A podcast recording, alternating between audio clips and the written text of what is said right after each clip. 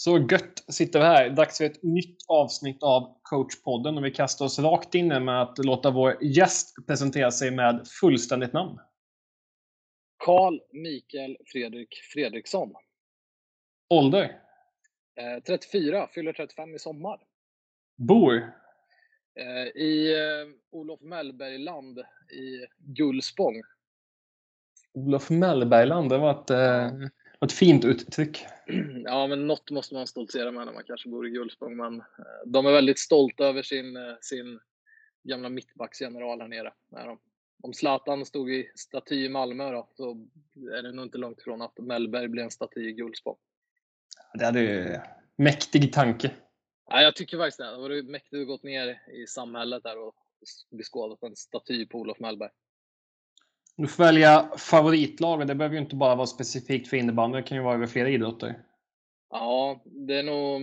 Eh, ja, men, eh, om man innebandymässigt självklart Lockerud, Mariestad, som eh, man har varit i så pass länge nu. Det är, eh, både eh, nutid naturligtvis, men även historiskt. Liksom. Det är en historisk förening som har, var väl en av de föreningarna som var med när det väl begav sig en gång i tiden. Liksom. Eh, Ehm, men sen självklart Manchester United ehm, har alltid, egentligen så länge jag kan minnas ehm, i alla fall, varit en, en stark fantast av dem. Det var ju lite roligare tider för ett par år sedan än vad det kanske är nu.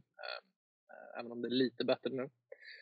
Men då, då, kan man säga att Manchester United fick jag från min mamma faktiskt. Det var min mor som styrde in mig på Manchester United. Och eh, sen är det Djurgårdens IF då, och det blir ju pappa då, som jag fick det ifrån. Så att det är väl, Djurgården ligger väl mer nära eftersom det är i Sverige. Eh, mm.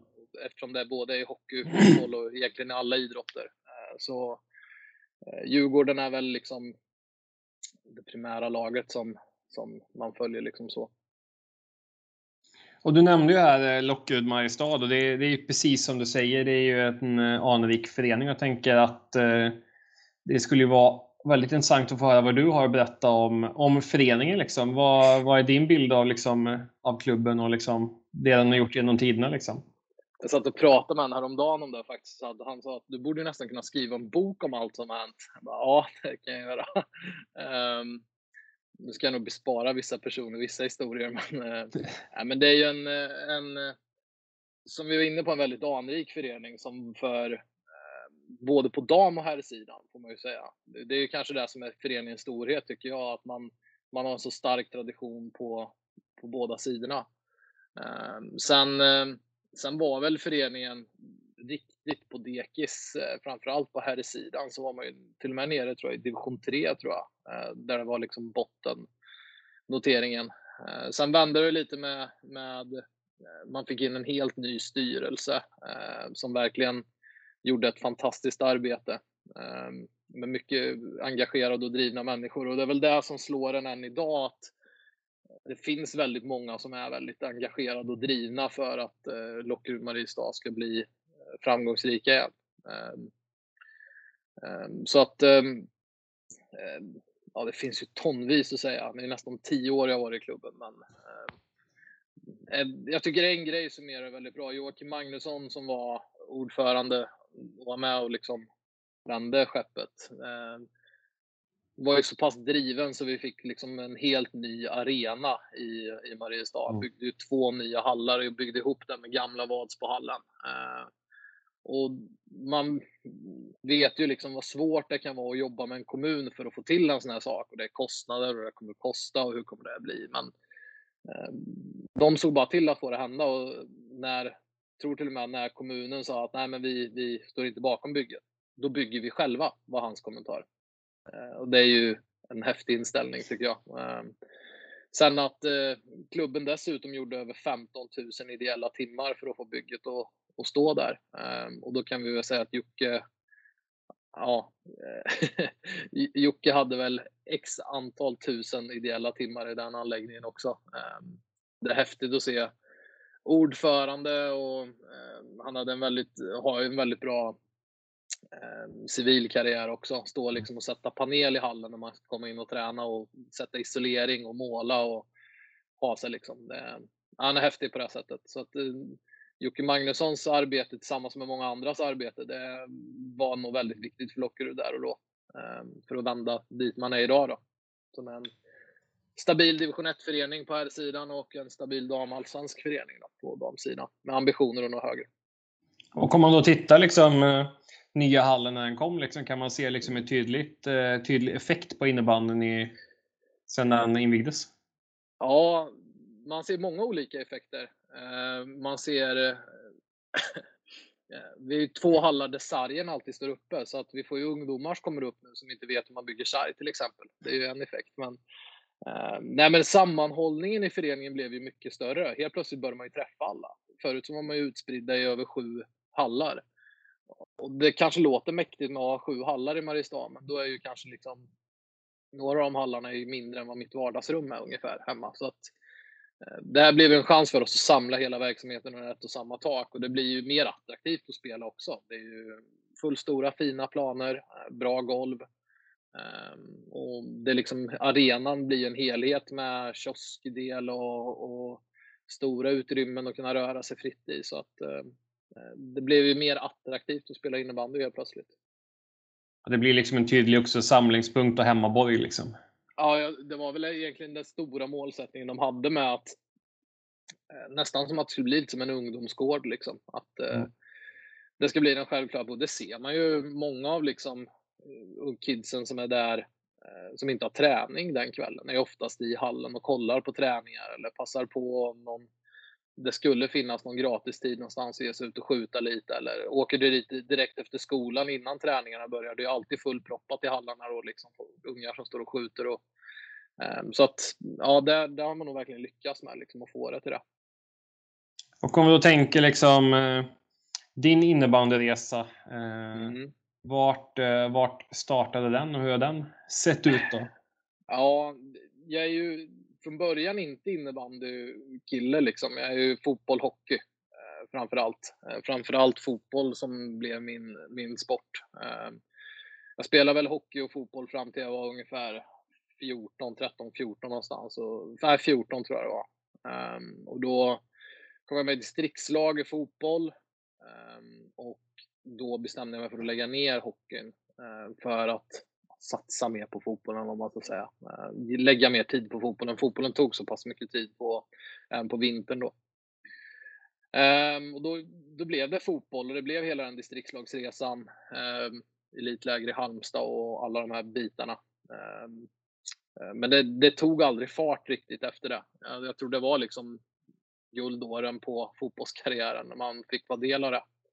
Ehm, och ehm, så att, ehm, men då kände jag väl lite efter att efter hela den här biten liksom med, med distriktslag och allting, att det fanns ju tid över ändå liksom på, på vintern. Man hade ju ingen tränare som direkt som, som, liksom la upp ett fysprogram till en som många har idag. Tycker att de som framförallt går på innebandygymnasium idag som har fystränare att jobba med, de har en fantastisk möjlighet som de kanske inte själva förstår vilken möjlighet det är. och då, då kände jag att jag ville ha något att göra på vintern och då började jag spela innebandy. Ehm, man kan väl säga att jag var ju ingen... Jag har hört de tidigare poddavsnitten här, vi hade nog gjort ett riktigt destruktivt backpar hade vi nu gjort, både du och jag eh, tillsammans. Ehm, ja, jag Men... ska säga, det är väldigt kul att jag alltid blir involverad i olika backpar uppställningar som exempel. Där, liksom. Men det, ja. det, det gillar jag. Ja, um, men det, min styrka var ju inte spelskicklighet direkt, men jag var, jag var bra på från hockeyn att, eh, att sätta stopp då kan vi säga, är väl en finare term. Ehm, men sen blev jag medlurad egentligen. Min, eh, en av mina absolut bästa vänner, Niklas Andersson, som tränar Skoghalls herrar och jobbar i, på innebandygymnasiet i Hagfors, tränade sin, eh, hans lillebrors lag. De hade en DM-match mot Karlstad innebandy. Eh, och då lurade han med mig på den, frågan om jag ville vara med i båset och hjälpa till lite bara. Eh, och där, sen dess var jag fast. Ehm, jag har väl alltid egentligen haft liksom mycket synpunkter på de lagen jag spelat i, både fotboll och hockey, hur vi ska spela och har alltid haft ett behov av att få vädra min synpunkt. Ehm, så jag har nog inte varit så behaglig att göra med som spelare, men ehm, men där i alla fall kom jag in på det. Eh, börja började träna Karlskogas juniorer, två säsonger och då var väl 19, 18, 19 eller var 19, 20 någonstans där. Um, kom med upp sista året i, i, i sista året jag var i Karlskoga så kom jag upp i deras A-lag, eller i vårat A-lag då får man ju säga. Um, gjorde ju ingen bejublad säsong direkt. Jag tror vi tog en seger och 21 förluster. Um, det var, kommer man sen till när vi, när jag flyttade till Lockerud så var det inte lätt att komma ner som ny tränare och ha 21, 21 eh, förluster av, eh, på kontot från säsongen innan och vinna respekt. Men um, um, ja, på den vägen var det i alla fall. Så att, egentligen så var det en tillfällighet att det blev Mariestad. Min sambo kom ju som sagt ner från Gullspång så vi valde att, uh, att vi skulle flytta neråt och då, då hörde jag av mig till Lockerud som lite på chans egentligen. Att ja, men det är alltid bra att komma in i en förening. Det vet ju du hur det är när man ska flytta till nya ställen och sådär. En social punkt helt enkelt. Ehm, och då, då hade det, de hade fått strul med tränare till sitt herrlag. Ehm, och då, då blev det så pass väl till sist också att jag fick en, en roll på gymnasiet där nere och den jobbar jag kvar på än idag. Då. Ehm, sen blev det, ja, det blev sju år med herrarna. Eh, blev det. Eh, från eh, serieseger första året i division 2 eh, och sen eh, var det ju eh, sex år i division 1 då som det blev. Eh, tre raka seriesegrar de sista åren. Eh, två misslyckade kval behöver vi inte prata om, men ett lyckat kval då sista året som gjorde att vi gick upp till Allsvenskan. Så att, eh, det en häftig resa. Det var många av de spelarna som var med från början till, eller många, men jo, det var en del i alla fall som var med från början till slutet. Och det, det, där har man ju knutit band för livet kan man ju säga. Eh, det har blivit mer än, än, jag ska inte säga att vi är vänner, men det blir ju mer relationen tränare-spelare när man haft dem så länge och sett dem gå från att eh, planera eh, diverse olika festresor på sommaren till att planera familjeresor med sina barn och, och sambos. Så att, ja, det var en härlig tid. Sen blev det ett år i Jönköping, eller ett år blev det inte. Det blev sex månader i Jönköping. Eh, blev det. Jag fick chansen att träna dem i SSL och det, det fantastisk möjlighet. Det var otroligt lärorikt att vara i SSL. Även om det bara var en så pass kort tid så, så var det jäkligt häftigt. Um, och uh, efter den säsongen så uh, flyttar man väl hem igen då får man säga, för det är nästan det Lockerud är. Och då blir mm. det, blev det att träna Lockeruds damer som jag gör den här säsongen. Så det var väl resan tror jag. Eh, från start till mål, tänkte jag säga. Du får välja ut någon, eh, vad ska vi kalla det, favoritmatch eller något som, eh, något som sticker ut lite extra på den här resan? Ja, det finns ju så otroligt mycket. finns det. framförallt från Lockeruds herrar som man har fått uppleva Ja, det är otroligt. Första säsongen egentligen, det är division 2 Västra Götaland. Det är ju inte Sveriges glammigaste serie direkt. Är det inte. Glamourserie? Uh, nej, inte på något sätt. Jag var ju skittaggad. Kul att komma till nya ställen liksom. Vara och Skara och det var ju liksom, ja, men det var ju riktigt häftigt. Mina spelare var inte riktigt lika taggade. Uh, glöm, men glöm den... inte Borås nu också. Det är, det är faktiskt en pärla. Daltorpshallen i Borås, ja precis. Eh, det är en av de bättre arenorna man kom ja. till faktiskt. C-hallen i Skövde Arena, det var ju inte värst alltså. Um, men, eh, nej, men första säsongen var ju häftig på sig. Att vi gick obesegrade och att vi framförallt gick upp. Eh, Lockerud hade ju ett, ett kval som, en kvalhistorik från division 2 upp till division 1 som inte var så glamorös. Det var väl tre eller fyra misslyckade kval. Så det i sig var ju häftigt. Ehm, Sen naturligtvis, eh, alltså seriesegrarna, även de åren vi misslyckades i kvalet. Jag tror första året vi vann serien så kom det ut något, odds på vad vi stod i, till att vinna serien och var 30 gånger pengarna tror jag. Eh, på att vi skulle vinna. Där, där någonstans var vi också, började nästa liksom, del i resan, eller vad man säger, som var jävligt häftig. Så seriesegrarna där. Men de som sticker ut mest egentligen de matcherna, det är väl sista matchen mot Skoghall när vi går upp i Allsvenskan, definitivt. Um, av många olika anledningar.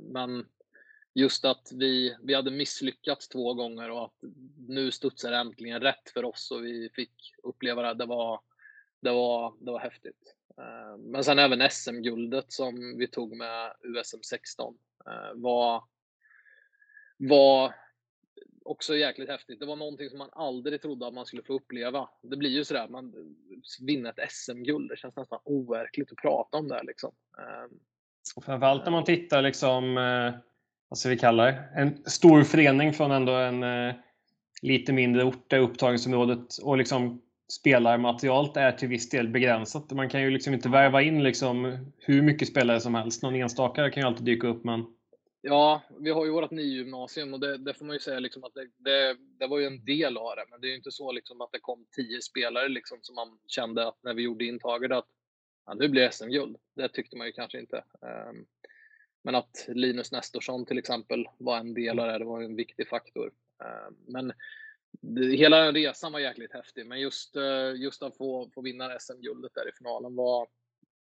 Och om inte jag minns eh, fel här, avgjordes inte han på straffar? Jo, det gjorde den. Det gjorde den. Det är helt riktigt. Ehm, och det, det, som, det, egentligen det häftigaste man har med sig från USM 16 det är vår målvakt Emil Lundberg.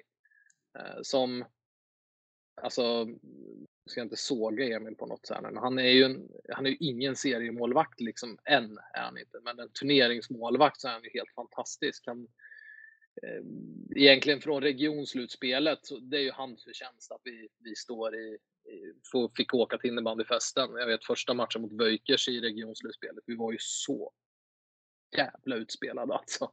Mm. Um, men han höll oss kvar och han höll oss kvar genom hela den uh, turneringen egentligen. Um, och ja, det var, det var en jäkligt häftig resa var det, uh, helt klart.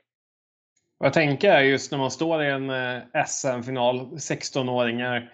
Det liksom, sitter inte jättemycket liksom, rutin från stora matcher kanske med, på den tiden när man är i den åldern. Liksom. Men, och så just när man ska in på straffläggning. Liksom. Vad, vad säger man till laget då? Det är så komiskt för att killarna hade ju varit på mig hela resan egentligen. Liksom, att vi måste träna straffar, vi måste träna straffar jag har ju någonstans gått så här inställd, det blir inga straffar. Nu ska vi spela en straffavgörande, men ja, vi tränar lite straffar då. Och så står vi i en SM-final och det är straffar. liksom. Men jag får säga om hela den gruppen att Alltså, det var, vi hade pratat innan lite om liksom vilka som eventuellt skulle lägga straffar, men vi vill inte sätta någonting rakt upp och ner, för man vet inte hur en 16-åring kanske liksom mår där och då. Um, men de var jävligt självklara. Alltså, jag slår. Det var liksom inga konstigheter. Um, jäkligt kyliga allihopa när det väl skulle avgöras. Um, så att, um, men det, ja. Man tappar ju sen kontrollen på något sätt. Och det är det som är, mm. du kan ju inte coacha något längre. Du blir ju som en åskådare liksom. Jag vet, jag gick och vanka fram och tillbaks längst ner och jag visste inte vad jag skulle göra. Och, men, ja, det var en, eh, var en otrolig match som jag faktiskt hade förmånen att eh, sitta på läktaren och få njuta av. Ja, vi gör ett mål kommer jag ihåg i alla fall, eh, som är jäkligt snyggt. Vi har en, tror en tre, fyra diagonaler innan, innan det är ett direktskott upp i, i bortre krysset. Um, um, det, det är här, den har man kvar på näthinnan från båset. Har man. Om vi tänker då liksom att du skulle få totalt fria händer att eh, spela den innebandy du skulle vilja spela. Och man eh, brukar ju säga det här klassiska, liksom, man får ju anpassa sig efter spelarmaterialet. Men vi, vi, vi unnar oss ett exempel här där du har liksom världens bästa spelarmaterial. De skulle kunna spela precis vilket spel som helst, för allting med skills och fysik och sånt där finns. Liksom. Att du, det är verkligen så att nu ska vi först sätta en spelmodell, sen ska liksom laget sättas. Liksom. Men om du får de här fria tyglarna, liksom, hur skulle du vilja spela innebandy då? Ja, det är ju det är som du säger att alltså, mycket får man ju anpassa efter eh, liksom, det materialet man har. Men så tror jag framförallt att du måste anpassa det. Alltså, min dröm någonstans är att vi ska vara, man ska kunna vara så flexibel så att du ska kunna möta vad som helst. Eh, du ska kunna vara spelförande i de matcherna som man kan vara spelförande i och du ska kunna vara destruktiv och spela på ett eh, ehm, på ett annat sätt mot, mot lag som kanske är bättre än dig själv. Men om jag fick eh, ja, ska inte säga, men om jag fick Storvreta att jobba med då. Eh, det är typ det du beskriver känns det som. Ehm, nej men det är väl självklart att vi, jag skulle vilja spela en innebandy där vi dikterar allting. Ehm, försvar, anfall, vi ska vinna tillbaks boll så snabbt som möjligt i alla lägen. Ehm, självklart så, så vill man spela högre upp i banan, det skulle jag absolut vilja göra. Så att ja, det är väl egentligen just att man dikterar allting på banan, att man, man är eh, drivande i alla moment eh, som sker där ute. Det är ju någonting som man, man skulle vilja göra och det tror jag alla tränare vill göra. Jag tror oavsett eh, vad alla tränare säger, att om man är defensivt eller offensivt lagd, så tror jag att alla tränare vill ju liksom spela ett, en så total innebandy som det går på något sätt. Ehm, men då behöver man materialet också. Behöver man ha.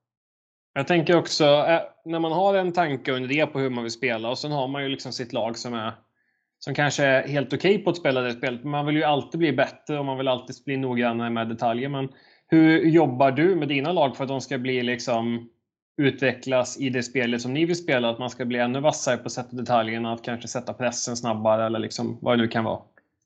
Jag, jag tror väl att det är som en av styrkorna som, eh, alltså jag jobb, gillar att jobba väldigt långsiktigt eh, och det är väl något som har växt fram när man tränat Lockeruds herrar, att det får gärna vara en process över tid.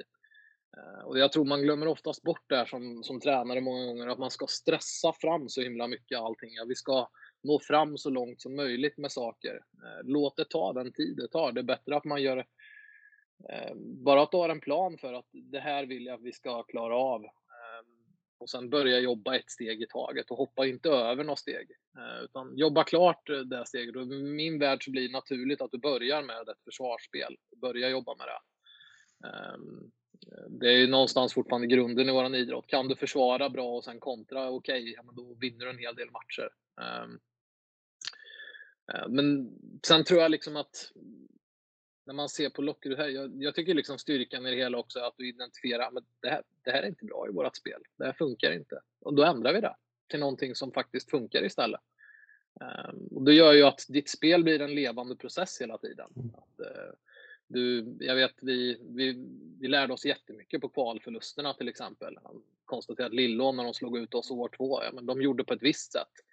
Uh, då lärde vi oss att vi kan inte göra så. Vi, vi måste utvecklas i vårat spel. Annars så, så, så kommer vi stöta på det här problemet igen. Um, och det, det, tror jag också är någonstans nyckeln till det hela. Att du inte liksom har din spelbok, kör på din spelbok och sen kör du den till liksom avgrunden. Utan se på din spelbok och se det som ett levande dokument. Uh, som en levande process, liksom, att du ska kunna utveckla saker och ting i ditt spel. Uh, det, då kommer jag dit ändå, om jag svarar på frågan eller inte. Men, men eh, ja, eh, jag, jag, tror det är det som är det viktigaste i alla fall. Att eh, slå dig inte till ro i din spelidé utan våga, våga liksom kritiskt granska den. Ta input av dina spelare, för det är ändå de som är på plan och gör det. Eh, du kan ju stå i ett bås och känna dig jättetrygg i en spelmodell, men är inte spelarna på plan trygga med vad man ska göra, men då, då, då faller det. Gör det. Ja, men jag gillar den synen liksom också du beskriver att eh, dels involvera spelarna. För sporten är ju någonstans, det är de som sitter på besluten. Att vi kan ju styra och säga precis hur mycket vi vill innan en match. Men det är ju någonstans de som kommer ta beslutet och välja vad de ska göra ute på plan. Sen kan vi säga att det var rätt eller fel, men det är fortfarande de som tar besluten.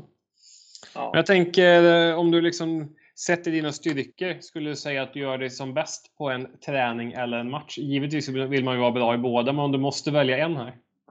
Ja, äh, men jag, jag, tror jag är en väldigt bra tränare just i träningar.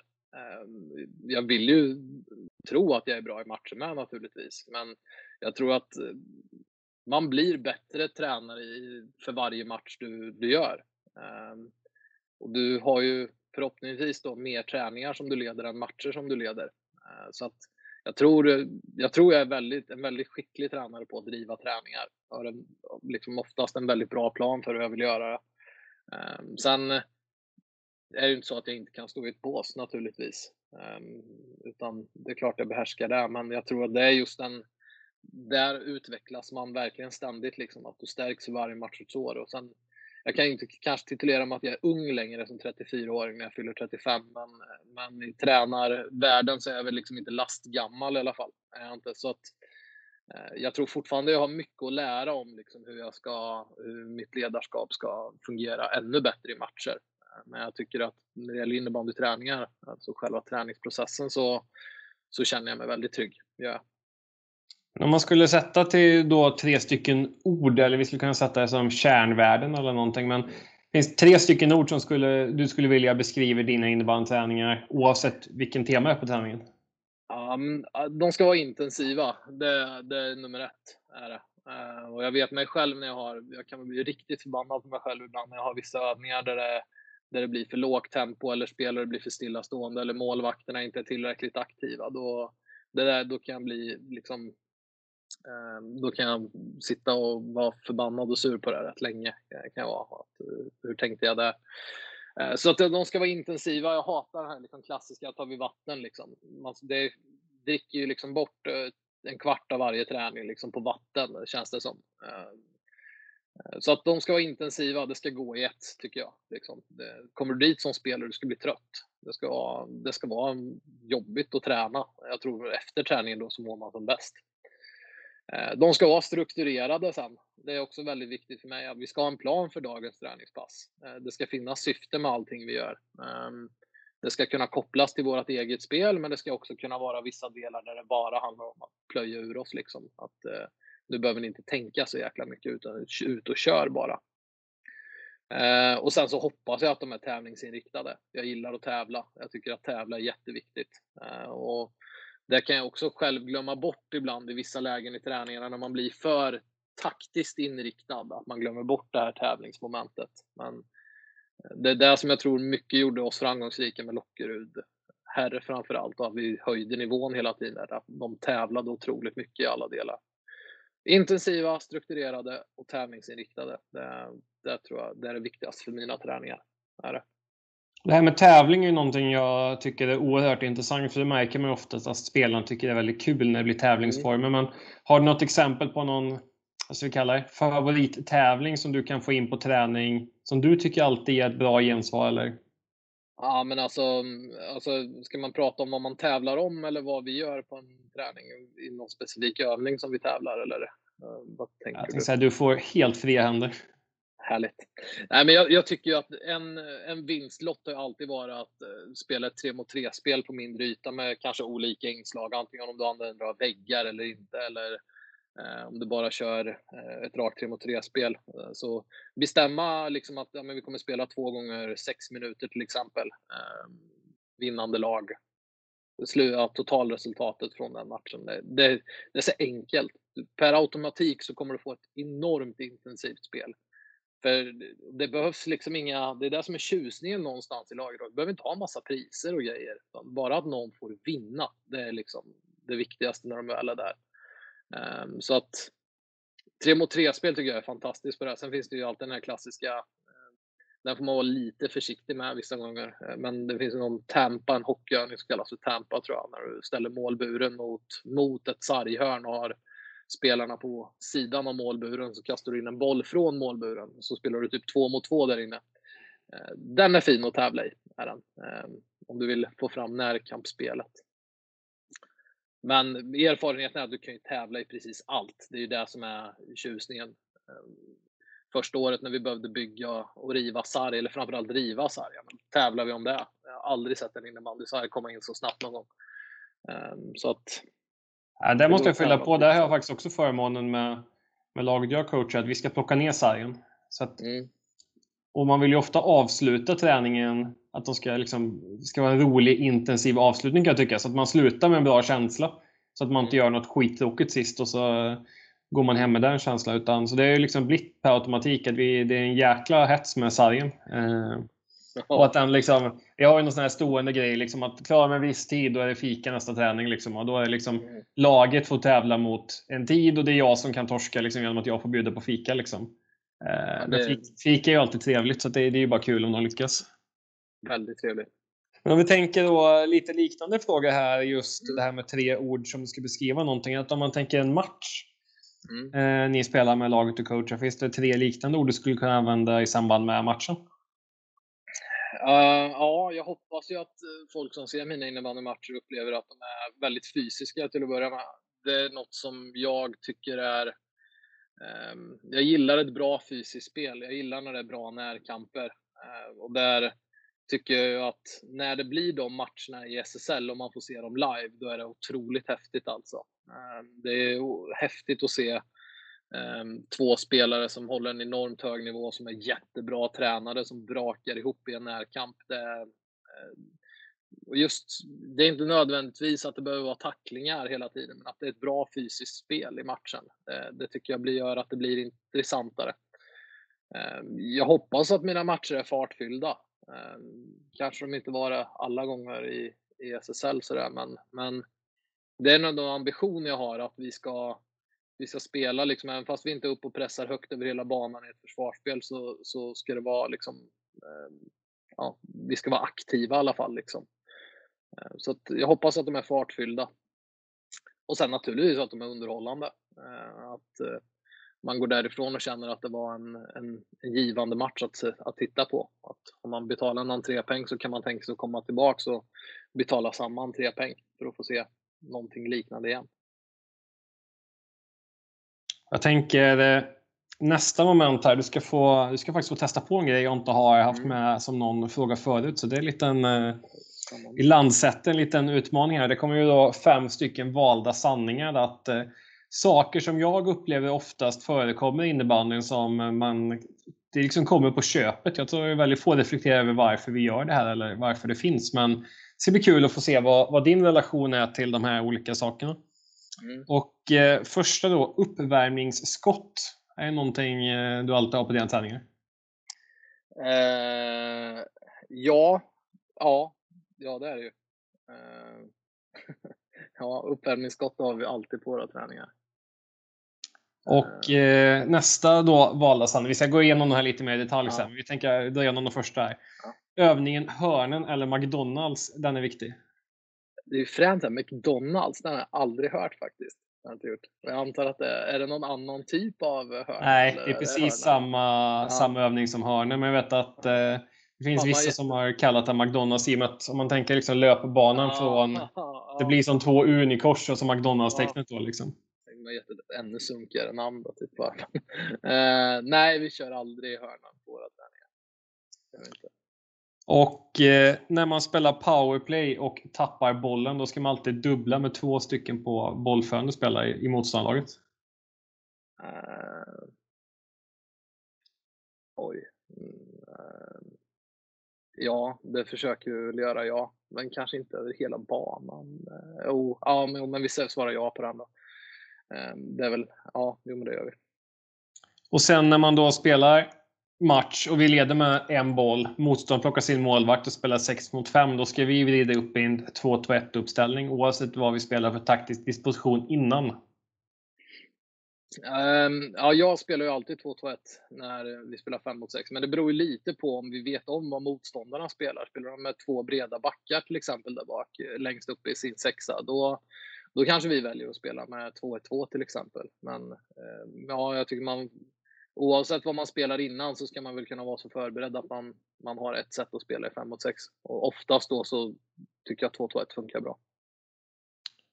Och varje träning ska innehålla matchspel 5 mot 5 på helplan, ja eller nej? Nej.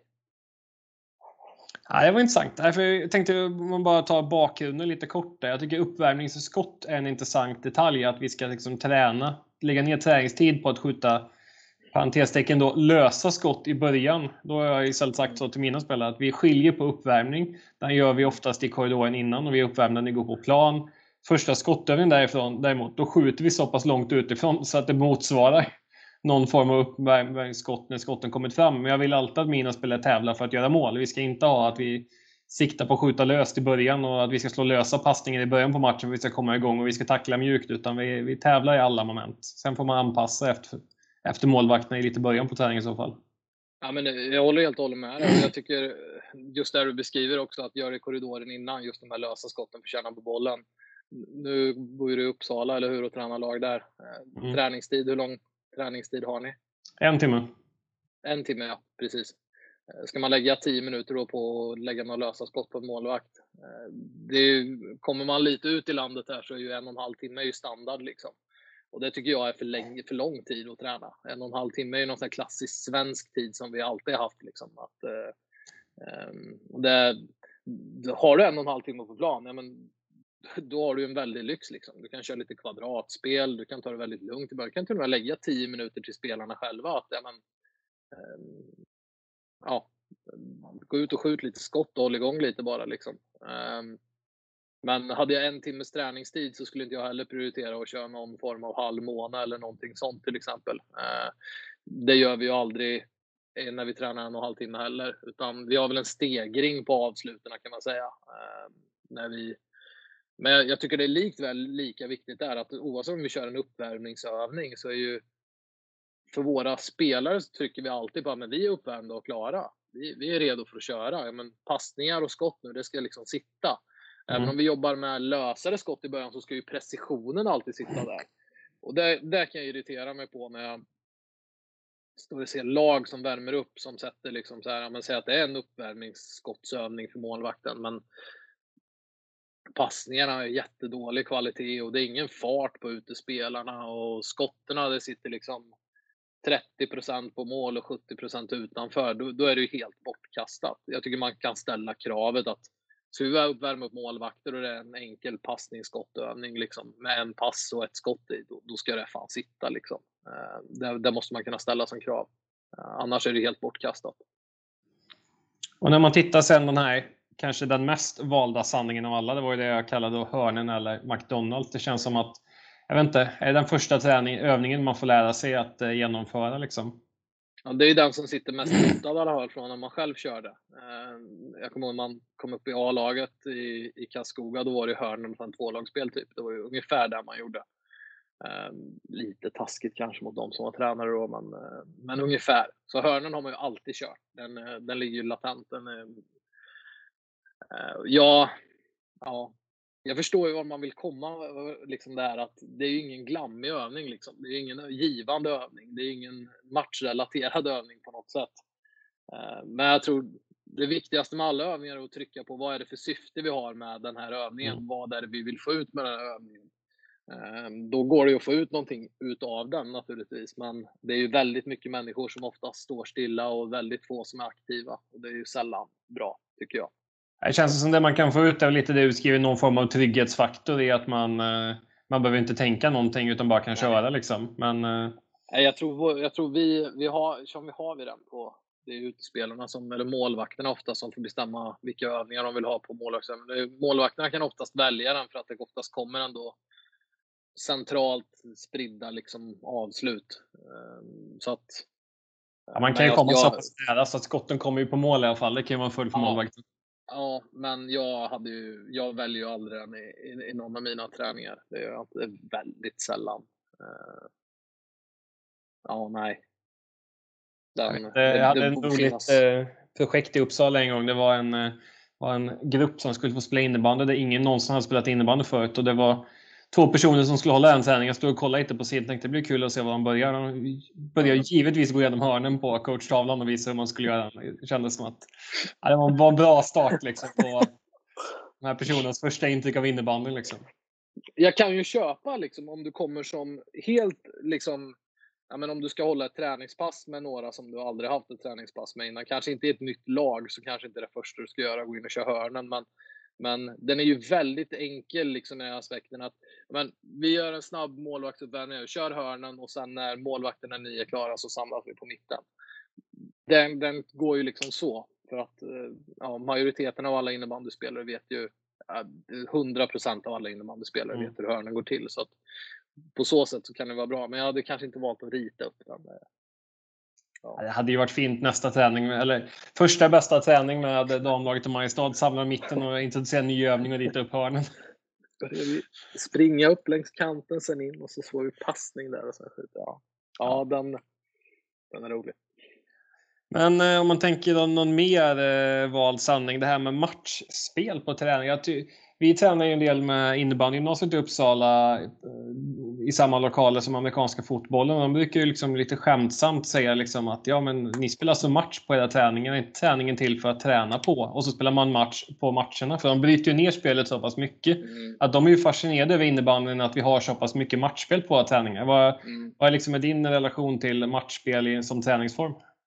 Eh, alltså matchspel, i träningsform med rätt syfte. Med ett syfte är ju, tycker jag, den absolut bästa träningen för ditt eget spel. Det är inget att snacka om. Ehm, så är det. Ehm, och det, det går att få ut otroligt mycket av att spela fem mot fem till exempel. Men om man ska tänka liksom att det behöver vara en del av alla träningspass. Det, det, nej, det tycker jag definitivt inte. Om man ska se den här kopplingen till bollberöring och och även att få den här äh, stackars defensiva vänsterbacken som aldrig är på offensiv planhalva att någon gång komma till offensiv planhalva. Då behöver du plocka ner antalet spelare på banan. Du behöver eh, minska planytan för att den ska komma in i mer avslutspositioner. Eh, så att, att bara att det måste vara fem mot fem på alla träningar tycker jag definitivt inte.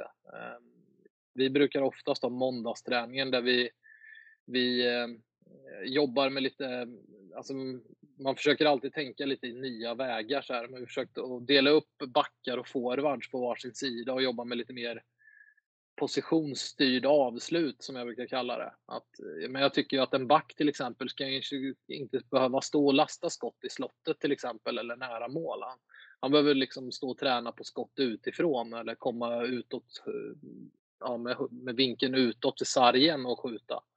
Eh, och forward ska ju, tycker jag då, jobba mer liksom med att löpa in i mitten och hitta avslut och gå på returer och sådana bitar. Men då, den träningen så brukar vi alltid försöka spela 4 mot 4 istället för 5 mot 5. Ehm, I alla fall. Och då, då är det ju alltid något 3 mot 3 spel innan också. Men 3 mot 3 och sen 4 mot 4 på helplan. För det blir mer, mer beröring. Det blir mer chans för varje spelare att bryta sin mm. normala position. Jag tänker om du skulle få skicka ut något litet tips till alla ungdomstränare som eh, de skulle kunna tänka på när de jobbar med sina lag. Vad är, vad är din passning till eh, ungdomstränare? Ja, sluta spela 5 mot 5 eh, på helplan. Nej, skämt åsido. Spela 3 mot 3 upp till de är 15 år egentligen. Det här, det, det kan många liksom ryggar till när jag säger att men de måste ju lära sig taktik. Nej, de behöver inte lära sig taktik. Låt låt, eh, låt junior och seniortränare sen få jobba med de taktiska bitarna. Eh, det är ju liksom, det finns det, eh, jag lyssnar på, på väldigt intressant podd hade med Mårten eh, om just det här. Eh, men, och det är ju som han säger att det finns ju kanske inga studier liksom på innebandyn som man kan kolla det men om man kollar på hockeyn framförallt, där de har gjort mm. både studier i Kanada och i Sverige så alltså problemet för ungdomsspelare är ju att man stöps in i en position väldigt tidigt eh, i just det här 5 mot 5 spelet över hel bana. Och det, det är beklämmande att se 8-9-åringar spela 5 mot 5 på helplan och det, liksom, det är så stort så man springer knappt.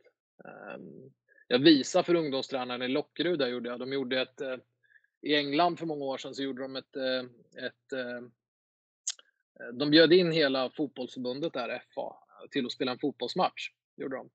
Det var bara att de hade gjort 11-mannaplanen dubbelt så stor och målen dubbelt så stora. Bara för att de skulle få känna på hur det är för småbarn att komma upp och spela 11 manna. Eh, nu har de ju ändrat det där, så nu har de väl sju och sju manna, nio manna till och med också. Ehm, ehm, och det, det var ju väldigt komiskt att se kan jag ju säga, den här stackars målvakten liksom. Och det är ju det man upplever här här med. Att det blir för stora ytor. Det är bättre, mindre spelare på plan, mer bollkontakt på varje spelare, större chans till att utvecklas och tycka det är roligt.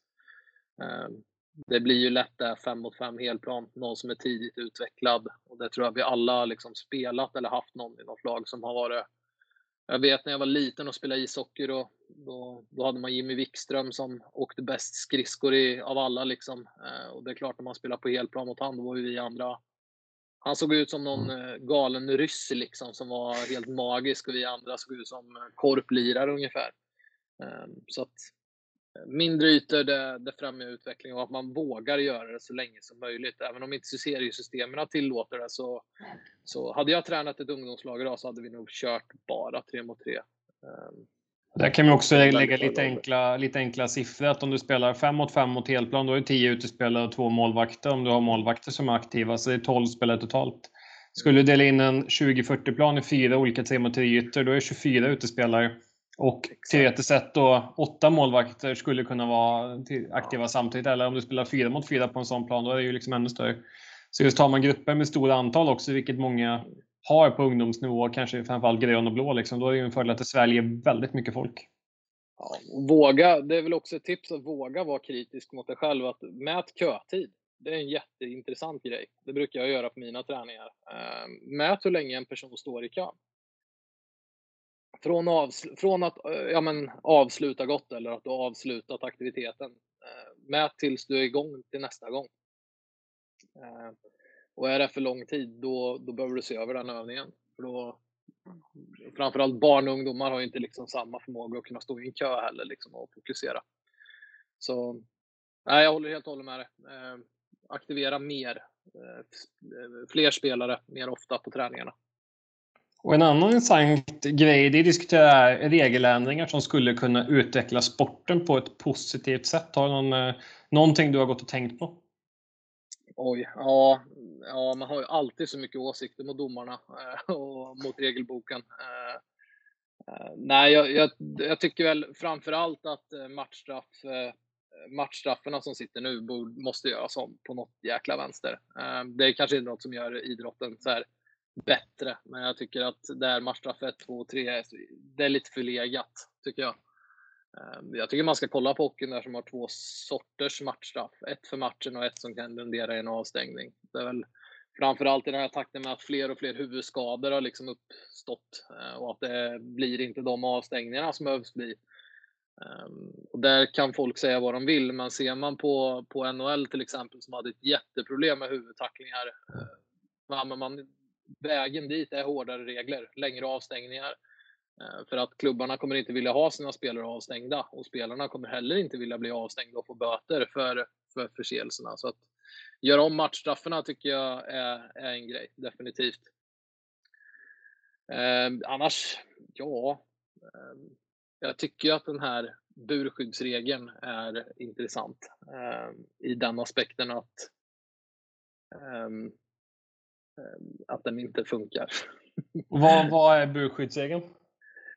Det är ju en passivitetsregel. Är det ju. Att du får inte stå still i burskydd då, utan eh, du måste vara aktiv med bollen, försöka spela ut bollen därifrån. Nu hamnar man ju inte så mycket i burskydd så det kanske inte är liksom en så jättepetitess men jag, tycker liksom så här, ja, jag förstår ju principen att man inte ska kunna skydda boll därifrån och att det är kanske mer ett hockeyproblem än ett, eh, ett innebandyproblem. Eh, och att man vill främja de lagarna som vill gå upp högt i banan. Men jag tycker ju samtidigt att det laget som har boll tappar ju en del i att kunna lösa. Jag tror att man gör, jag tror att man kan göra liksom eh, glappen större mellan topp och bottenlag. Eh, du tar mm. bort ett sätt för laget att lösa den pressen och det är jag lite allergisk emot. Eh, du behöver inte ta bort lösningar, behöver du inte göra för lagarna. Det är ju liksom lite innebandyns styrka just att det är enkelt att spela liksom. Ja, exakt. Jag, jag, upplever inte, även innan så upplevde jag inte att det var ett problem liksom. Mm. Att folk stod och spelade av matcher i burskydd.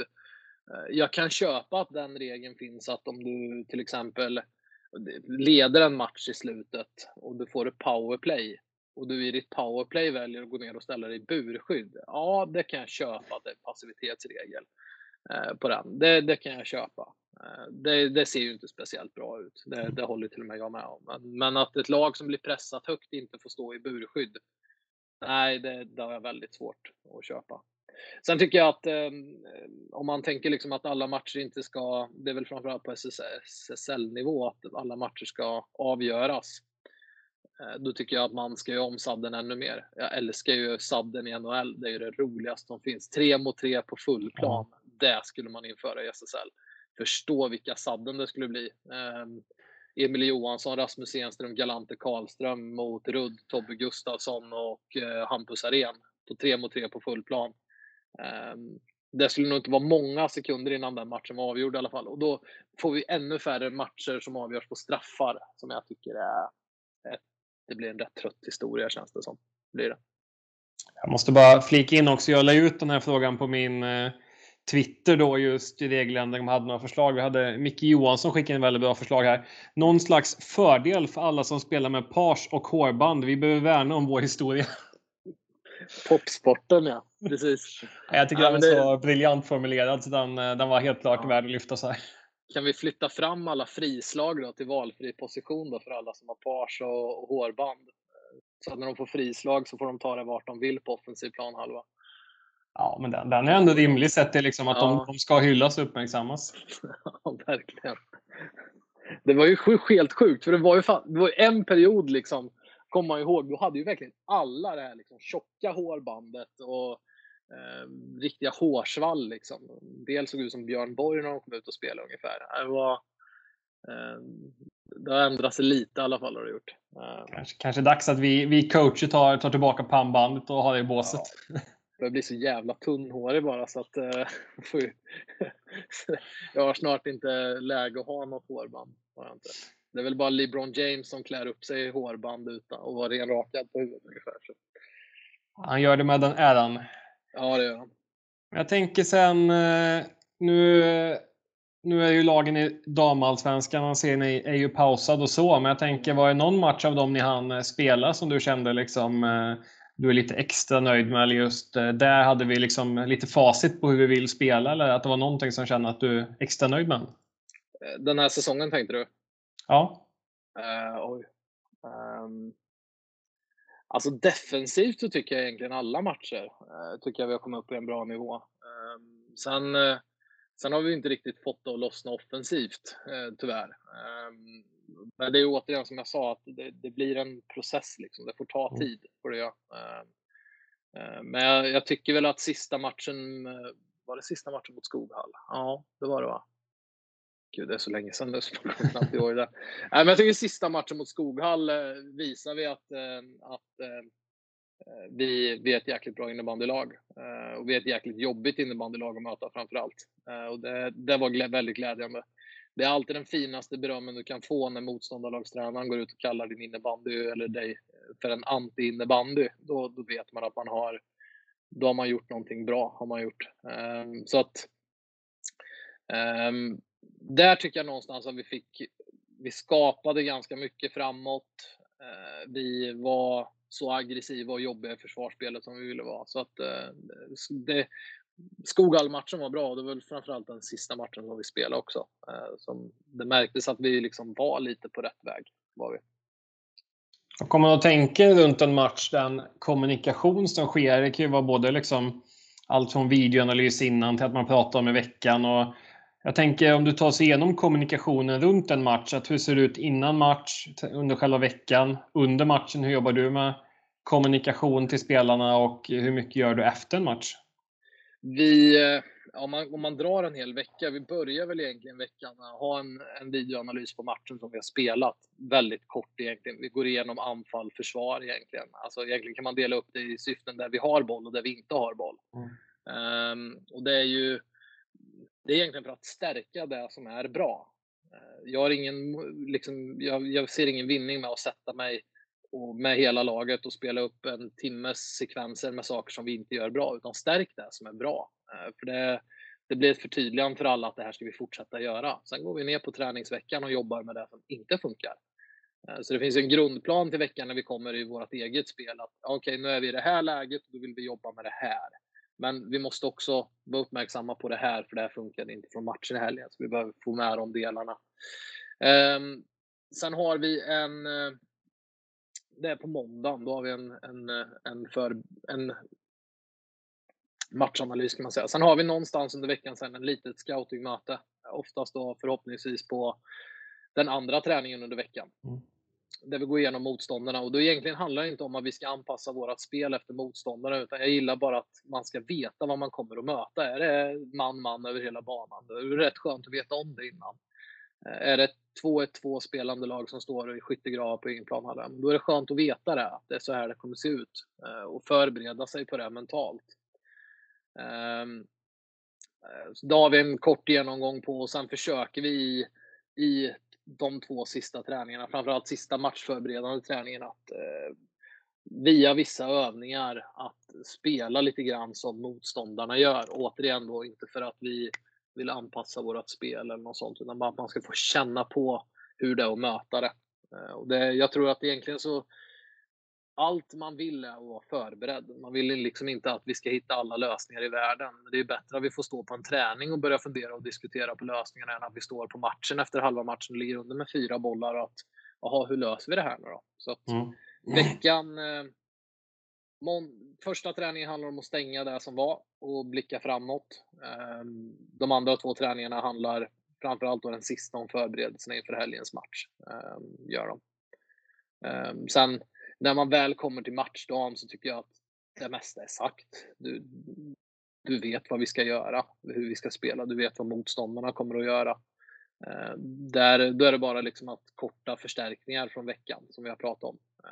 Och sen Sen börjar den här äh, dödtiden inför match för oss tränare. Eh, ja, så att, eh, och sen rullar det igång då. Gör det. Så det, är väl, det är väl så ekorrdjuret ser ut när det väl snurrar. Ehm, det är väl, jag tycker att video är bra, ehm, men jag tycker också att video kan missbrukas på ett sätt ibland. Som, mm. Det handlar enbart om vad kan spelarna ta in.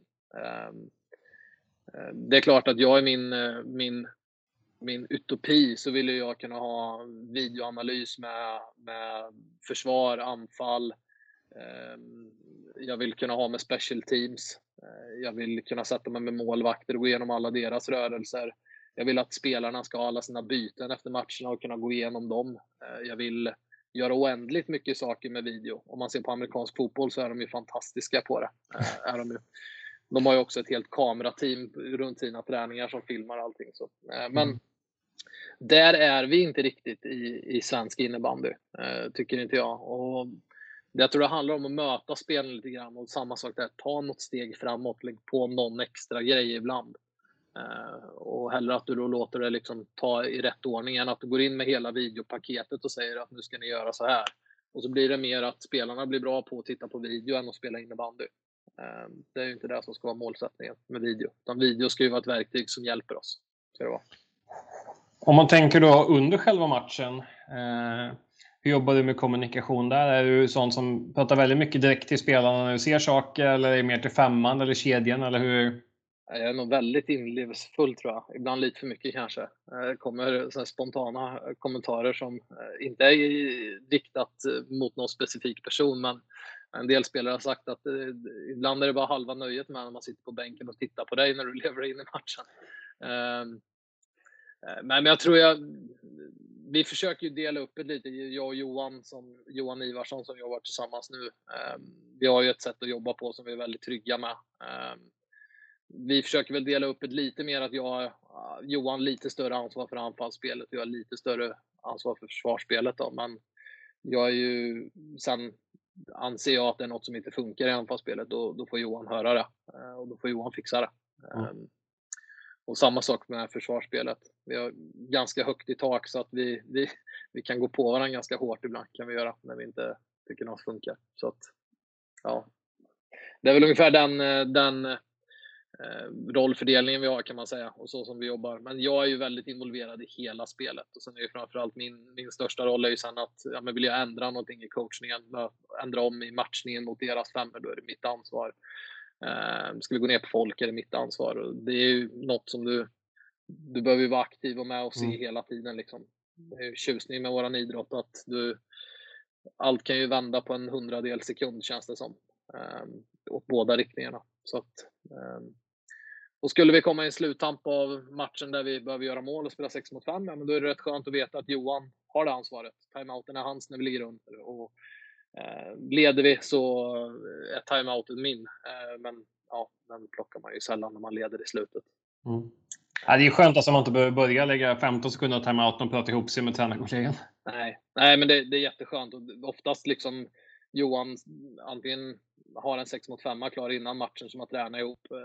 Eh, går det snabbt, är det den 6 mot 5 vi ska köra? Ja, jag har gjort den här ändringen. Men då kan jag fokusera på att sätta ihop en en femma som ska avlasta 6 mot 5 till exempel och ta det ansvaret. Så att, eh, det är en väldigt liksom bra rollfördelning så när vi kommer i de lägena. Vi är aldrig sällan uppjagade eller stressade utan vet ungefär vad vi ska göra. Och då, mm. Vi har även lyckats göra några mål i år på det. Så att, um, det, det lönar sig att vara förberedd. Gör det. Och nästa sekvens är att du ska få svara på fem snabba frågor. De har du då inte kunnat förbereda dig på, så det blir en liten snygg Nej. övergång då. Ja, det blir spännande. Vi, vi bränner väl igenom dem så får vi se om vi får något, eh, något svar som behöver, behöver diskuteras. Då. Men första frågan, powerplay eller boxplay? Boxplay. Passning eller skott? Passning. 2-2-1 eller 2-1-2? 2-2-1. Anfall eller försvar? Eh, anfall. Coacha herrlag eller coacha damlag? Coacha damlag. Ja, men det var väl, var väl inga... Jag tänkte säga, visst, jag fick ju byta ut någon fråga, för det känns som du redan hade svarat på lite. Den här 2-2-1 hade du i och för sig Mm. också kanske redan eh, svarat på. Liksom. Men det, det känns ju som, att det sitter ju lite i väggarna också i Mariestad med klassiska Mm. 2-2-1.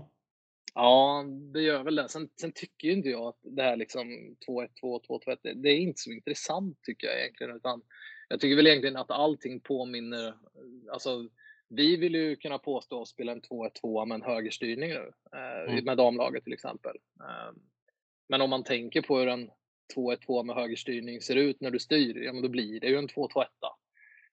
Um, så att jag tycker det, det som är mer intressant att prata om det är hur vi faktiskt spelar. Vad vill vi stå för? Uh, man pratar ledord till exempel. Eh, om någon sätter sig och kollar på vårt lag och säger de här tre orden, men då har jag ju lyckats. Då, då, ser jag, då ser till och med de som sitter på läktaren vad som ska personifiera mm. vårt lag. Så att, eh, men eh, när jag började träna lag och även med Lockeruds herrar då, som är ju min stora del i tränarkarriären, då har ju 2-2-1 varit väldigt fast liksom. Sen har ju vi utvecklat den rätt så mycket under, eller utvecklat den, vi har anpassat den utifrån oss då, har vi gjort under åren. Så det är väl den som ligger varmast om hjärtat. Och sen AIK minns man ju på, när var det nu då? När AIK var som bäst då får vi säga. Eh, Då var ju ja, men precis. starkt förknippat med, med 2-2-1. Så att det är väl ett, ett av de elitlagarna som man, när jag växte upp i alla fall, som fastnade hårt med. Och det är ju jobbigt att säga som djurgårdare, men ja. Där kan vi också rekommendera föregående avsnitt av podden där Henrik Lorendal just berättar om AIKs tid och vad som gjorde dem framgångsrika och så. Kan vara uh, kanske ett av de bästa backparen vi haft i svensk innebandy. Peter Fischerström och Henrik Lorendal när de gjorde några matcher, när de spelade ihop. Magiskt backpar verkligen. Jag kommer ihåg någon, någon tv-match där. Uh, tror det var något lag som skulle upp och sätta lite press på AIK, men kommentatorerna sa det. AIK löser det rätt enkelt för både Fischerström och Lorendal. De, de kör ju bara att de, de kroppar, fintar sin spelare och så har man skapat ett övertag och så blir det mål. Liksom. Så att de, ja de dribblar sig förbi pressen hela tiden. Eller så hade de så snyggt kombinationsspel. Så att, nej, jag kan bara instämma. AIK när de var, var som bäst där de, de åren så var de ju helt outstanding. Det... Jag tyckte liksom hade allt också. Jag älskar han Kristoffer Kranberg, tror jag han hette. Ja. Det var ju en av mina stora idoler när jag själv spelade. Jag tyckte han var för det var ju någon som man kunde relatera till själv lite. Man har ju lite svårt att relatera. Man ville ju vara Fischerström liksom, ville man ju vara. Men, men eh, men man hade ju inte skillsen riktigt. Eh, hade ju någon, det var ju någon period där eh, jag vet att han, han kom tillbaks och gjorde en vårsäsong med AIK. När, de hade väl gått lite tungt och liksom behövde få lite injektion där att eh, hända någonting. Och eh, jag tror att han var väl inne, han gjorde väl för första perioden han skulle komma in och bidra med lite, lite riv och energi där. Han hade väl gjort mål, assist och en tvåa liksom. Mm. Det är väl... Ja, var, var underbar spelare, en sån här som liksom kastas in med huvudet i alla dueller liksom och var brutal på ett, på ett jävligt ärligt sätt. Liksom. Det var aldrig det där fula spelet, men liksom, eh, Ehm, ja, det, jag saknar de här spelarna i innebandyn. Liksom. Det, det kommer för få liksom, rollspelare fram. Ehm, eh, liksom Johannes Larsson kändes liksom för ett par år sedan helt unik. Liksom. Att det, det finns inte spelare som han. Eh, jag tycker en sån som Simon Karlsson i Mullsjö är likadant. Det är en spelare vi ska värna otroligt mycket om. Ehm, som, ja, de kommer tyvärr inte. Det är för få som kommer fram. Jag vill ju se någon ny Johan Ros. Liksom. Jag vill ju att de här spelarna ska finnas. För det är, det är profiler på ett annat sätt. Eh, sen visst att det kan ske en del dumma saker också naturligtvis har det ju skett eh, med, med sådana här spelare. Men de behövs ändå i innebandyn för att ge sporten en helhet. Det kan inte bara vara eh, pannbandsfriller och, och snygga dragskott i bortre. Liksom. Det behöver få vara känslor och passion också. Måste det få vara. Och det står oftast de här spelarna för, eller bidrar med, gör de här spelarna. Ja, men jag, jag instämmer och när vi pratar profiler och spelare så blir det ju en ytterligare perfekt övergång här till, eh, till en profilstark eh, drömuppställning som du ska få sätta ihop här. Och ja. eh, förslagsvis då med en målvakt och fem utspelare och någon form av ledarstab. Och det brukar vara en utmaning som heter duga.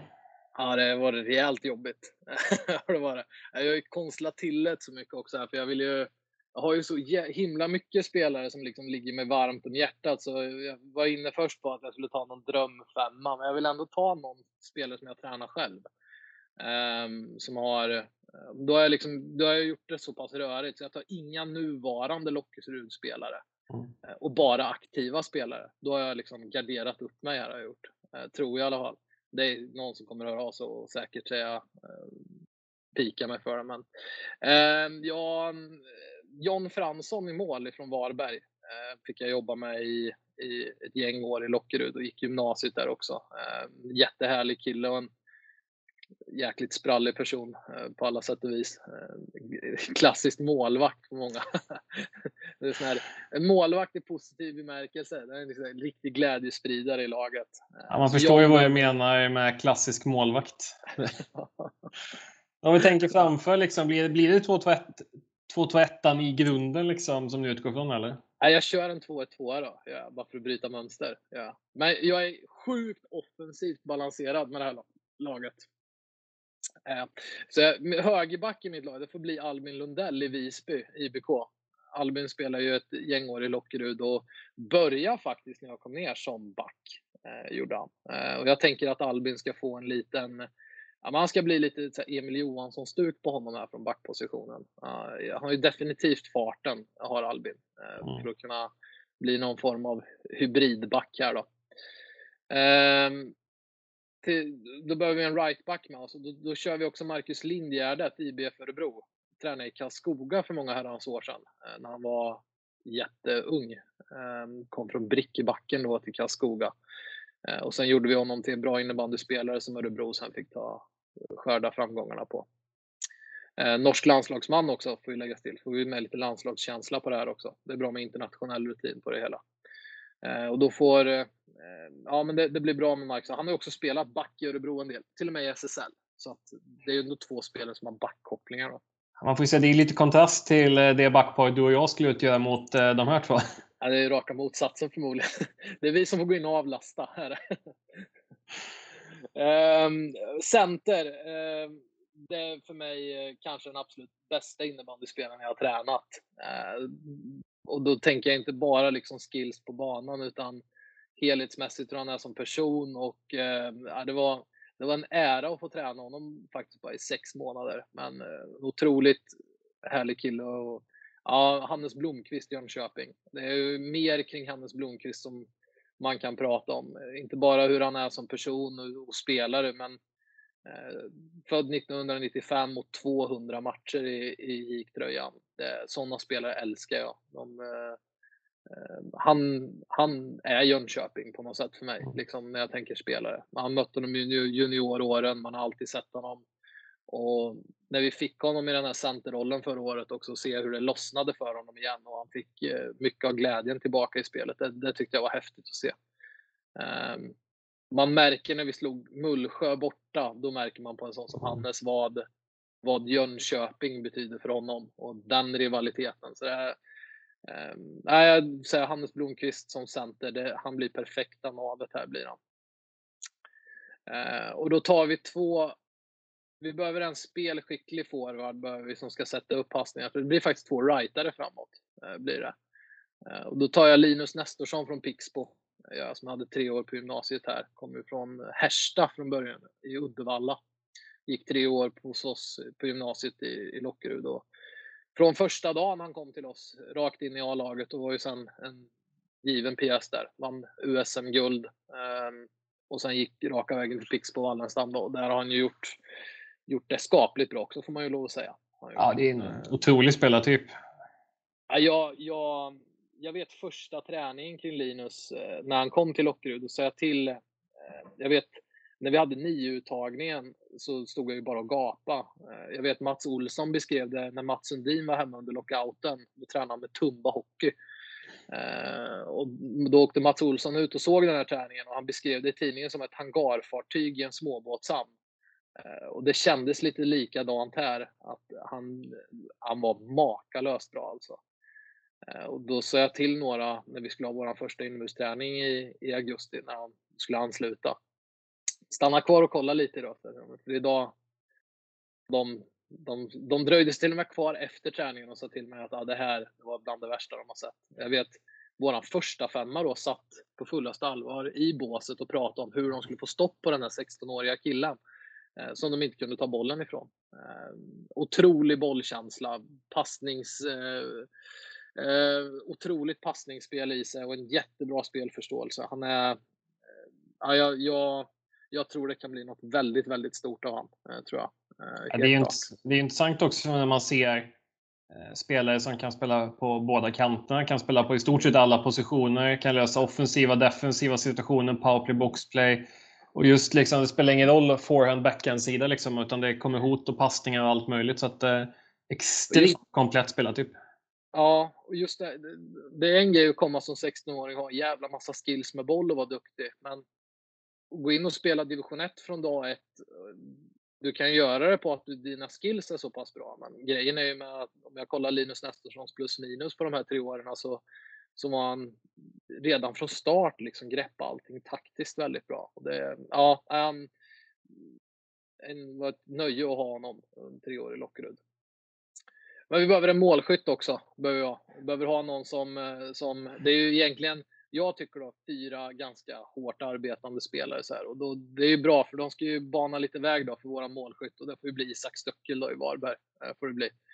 Eh, han ska panga in dem där i slutändan och bli serverad. Eh, och det, det vet, då, blir, då kommer Isak vara nöjd där när han får, han kommer få bra mackor av Hannes och, och Linus och rightback som kan lägga bra passningar upp till honom också och, och Lundell som kan fylla på uppåt. Så att, eh, ja, jag är rätt nöjd med den här. Sen vill jag också lägga till att skulle vi behöva plocka målvakt någon gång här och ta in en sjätte utspelare, då, då tar vi in Oskar Liljegran. Gör vi. Då, då behöver vi in honom framför kassen eller runt målet där, för där, där är han som bäst. Ja. Fick jag med Liljegran också. Jag tycker, jag tycker det är härligt också med de här uppställningarna. Det här var ju intressant på man får ju verkligen ge dig att du satt en extremt offensiv prägel, men eh, jag kan ju bara instämma. Liksom. Det är ju också fem spelare som är duktiga på att sätta försvarsjobbet så att man, eh, man kan vinna mm. tillbaka bollen tidigt. Men om vi tänker någon, eh, någon ledarstab där, eh, tänker du, hur tänker du då? Ja, men jag, jag tänker jag ska ju få det så behagligt som möjligt själv här, tänker jag under matcherna. Jag vill ju kunna stå och njuta av den här femman. Eh, vill jag göra. Så vill jag ha två kompetenta tränare. Jag får ju ta Niklas Andersson då som fick mig att börja med det här. För hade inte han lurat med mig på det här så hade jag kanske inte fått chansen att träna de här fantastiska spelarna. Så han måste ju vara med naturligtvis. Och sen eh, Johan Ivarsson som jag jobbar med just nu då, måste ju få vara med också. Eh, då, då, känns det som att vi, vi är kompletta på något sätt. Då kan jag, då kan jag ta en kaffe med materialen kanske där nere och bara, bara njuta lite av spelet. Kan jag göra. Man ska inte ja. underskatta materialarrollerna, så den eh, Nej, kan vara den finaste, finaste vi har i båset. De, de, är, de är otroligt viktiga. Ja. Ehm, så ja, det här var en, det här var en jätteutmaning. Bara. Men jag, jag tycker jag garderade upp mig bra till sist. Gjorde jag. Ja, men det, det, den är intressant på så, på så många sätt och vis. Det, jag gillar de här tydliga föreningskopplingarna liksom det finns när man har eh, så pass många år i, i en förening, vilket jag också tycker är någonting som är jäkligt fint. Jag gillar USA Sam Hannes där, liksom just när man pratar om någon som brinner för klubben och liksom föreningen. Och det är otroligt kul att få, få ta del av eh, de beskrivningarna av spelare. De, de värmer i hjärtat.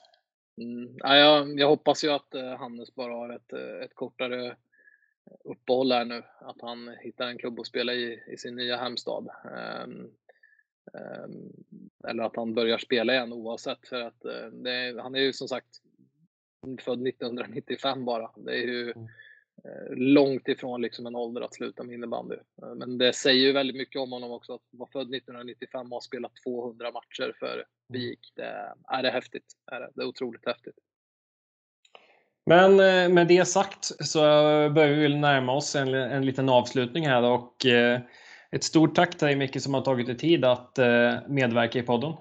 Ja, men stort tack Johan. Eh, otroligt bra jobbat med den här podden. Det är ett sant nöje att lyssna på alla avsnitt.